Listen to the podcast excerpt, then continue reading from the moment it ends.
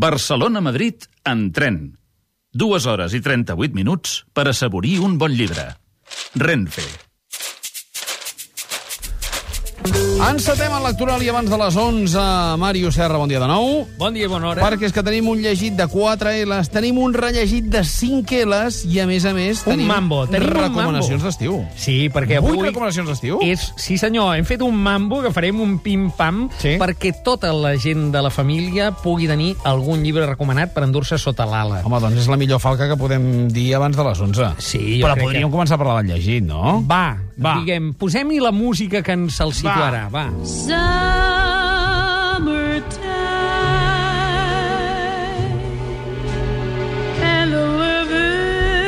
Easy.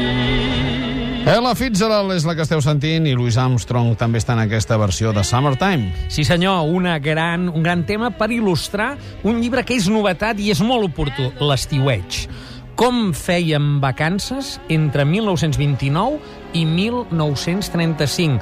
Aquest és un llibre editat a Quaderns Crema, a cura de Marc Soler, però no és un llibre d'en Marc Soler, sinó que és un recull de reportatges que sortien a la revista Mirador uh -huh. en aquests anys de la dècada daurada, diguem, de l'estiueig de la classe, de les diverses classes socials catalanes, perquè hi ha estiuejos, diguem, de la burgesia, però també hi ha estiuejos populars. Eh, hi ha articles, reportatges d'en Josep Maria Planes, l'Andreu Avalí Artís, que encara no signava ni com a Sempronio, Com a Disney, evident. no, era el cosí, eh? Ah, el cosí. No era l'Avalí, sinó el que va ser Sempronio després, eh? Ah, vale, vale. Sí, Havia entès que era Valí Artís. Exacte. No, Artís ell és Gené. Andreu, exacte, Avalí Artís Gené era en Va, va, Tisner, va, va. Andreu Avalí Artís, cosí, que després va Molt ser. Sempronio, eh, Manuel Amat, Passarell, Joan Soler, Josep Palau i també Carla Santís, que Home. ja escrivia aleshores i que és l'únic que sobreviu actualment, no? Sí. Eh, a veure, Caldeta, Sitges, Camprodon, Cadaqués, Tossa, Les Planes... Amb l'estiu de fons.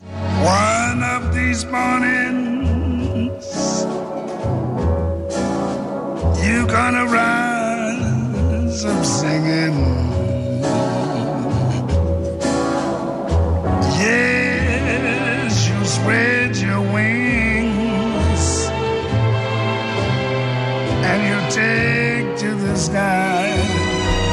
La veu de Louis Armstrong ens torna a recordar que estem escoltant Summertime, que també hi ha la Ella Fitzgerald, Sí, senyor. i que estem parlant de l'estiueig. Estem estiuejant i hem estat durant tot el butlletí de notícies estiuejant, meravellosament acompanyats. Oh, de quina manera? Acabem, eh, diguem, la glossa que encetàvem abans de les notícies. Desconnectats, Sí, sí. Eh, com, com pertoca, eh, l'estiu. Sí, sí, i tant. Realment, en aquesta època el que es detecta és que hi havia pràcticament una temporada que començava per Sant Joan i acabava per la Mercè.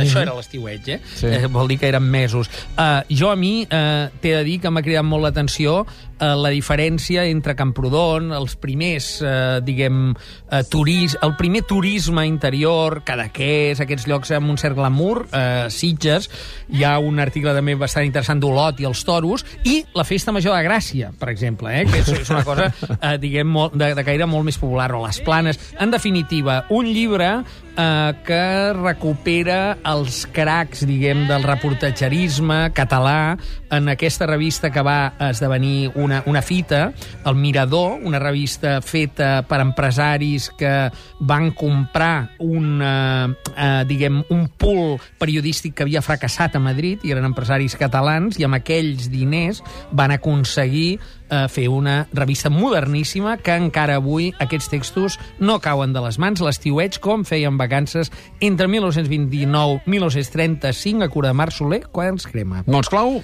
Estiu, platja, muntanya, això també, festa major i, sobretot, sobretot, mirador. Mare, mar, feu-vos present.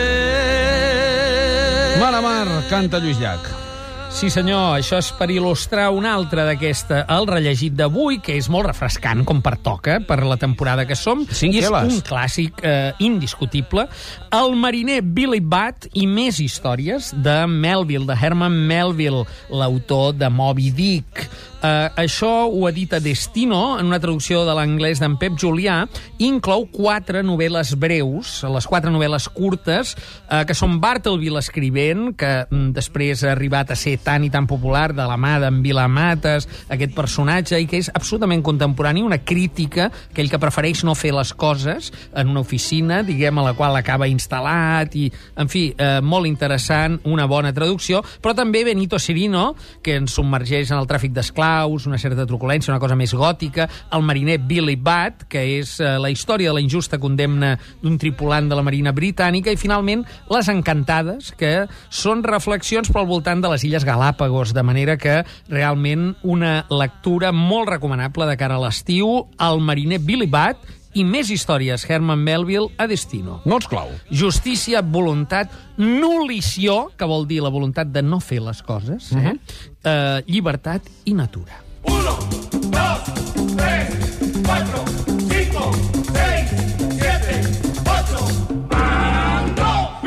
I és que tenim, vamos, tenim vuit recomanacions. Acabem l'estiu, acabem la lectoràlia, re, aquí repartint recomanacions per tothom i amb aquesta qüestió numèrica aprofitem també per felicitar un membre del programa, el Xavier Vidal, que acaba de ser guardonat amb un premi literari que es diu Set Lletres. Nosaltres anem més enllà En de les farem set, vuit. Eh? En farem vuit. Per tant, anem a veure vuit perfils de possibles lectors amb les seves recomanacions. Primer, si tens els fills de colònies o campaments i t'agraden les bones novel·les, per gaudir hauràs de patir. Et recomanem Nèmesi, de Philip Roth, traducció de l'anglès de Xavier Pàmies, a la Magrana, una novel·la que vam recomanar i que té molt a veure amb aquest món dels campaments. Dos. Si, el, si ets dels que li agrada passar unes vacances tranquil·les, tu d'aquests, segona residència, per exemple, a la Costa Brava, posem per cas, doncs una novel·la negra que te'n desmentirà la tranquil·litat. Tramuntana, de Xavier Moret, el trobareu a Empúries. Tres. Si ara a l'estiu tens mono de futbol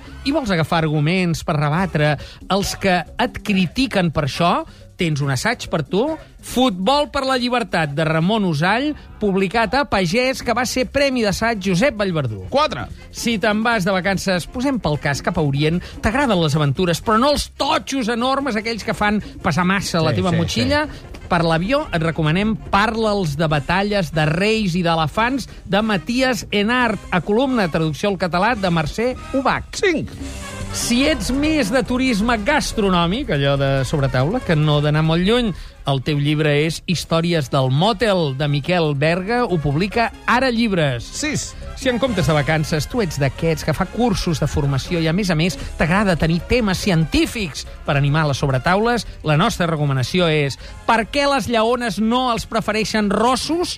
I 60 curiositats científiques més, Xavier Duran ho publica a columna. Set. Si vols millorar el teu vocabulari per insultar les companyies aèries de baix cost, les agències de viatge que no compleixen i les atraccions turístiques amb una cua de caldeu, i a més, t'ha d'agradar Tintín, el teu llibre és Llamp de llamp de rellamp de contrarrellamp de Joaquim Ventalló a A Contravent. Vuit. I finalment, si tens fills i els vols explicar un bon conte, et recomanem El gat que sempre anava sol, de Perico Pastor, a Cruïlla, una adaptació d'un conte de Rudyard Kipling. Fins aquí el Mambo. A reveure, bon estiu a tothom, llegiu molt. Fins al setembre. A reveure.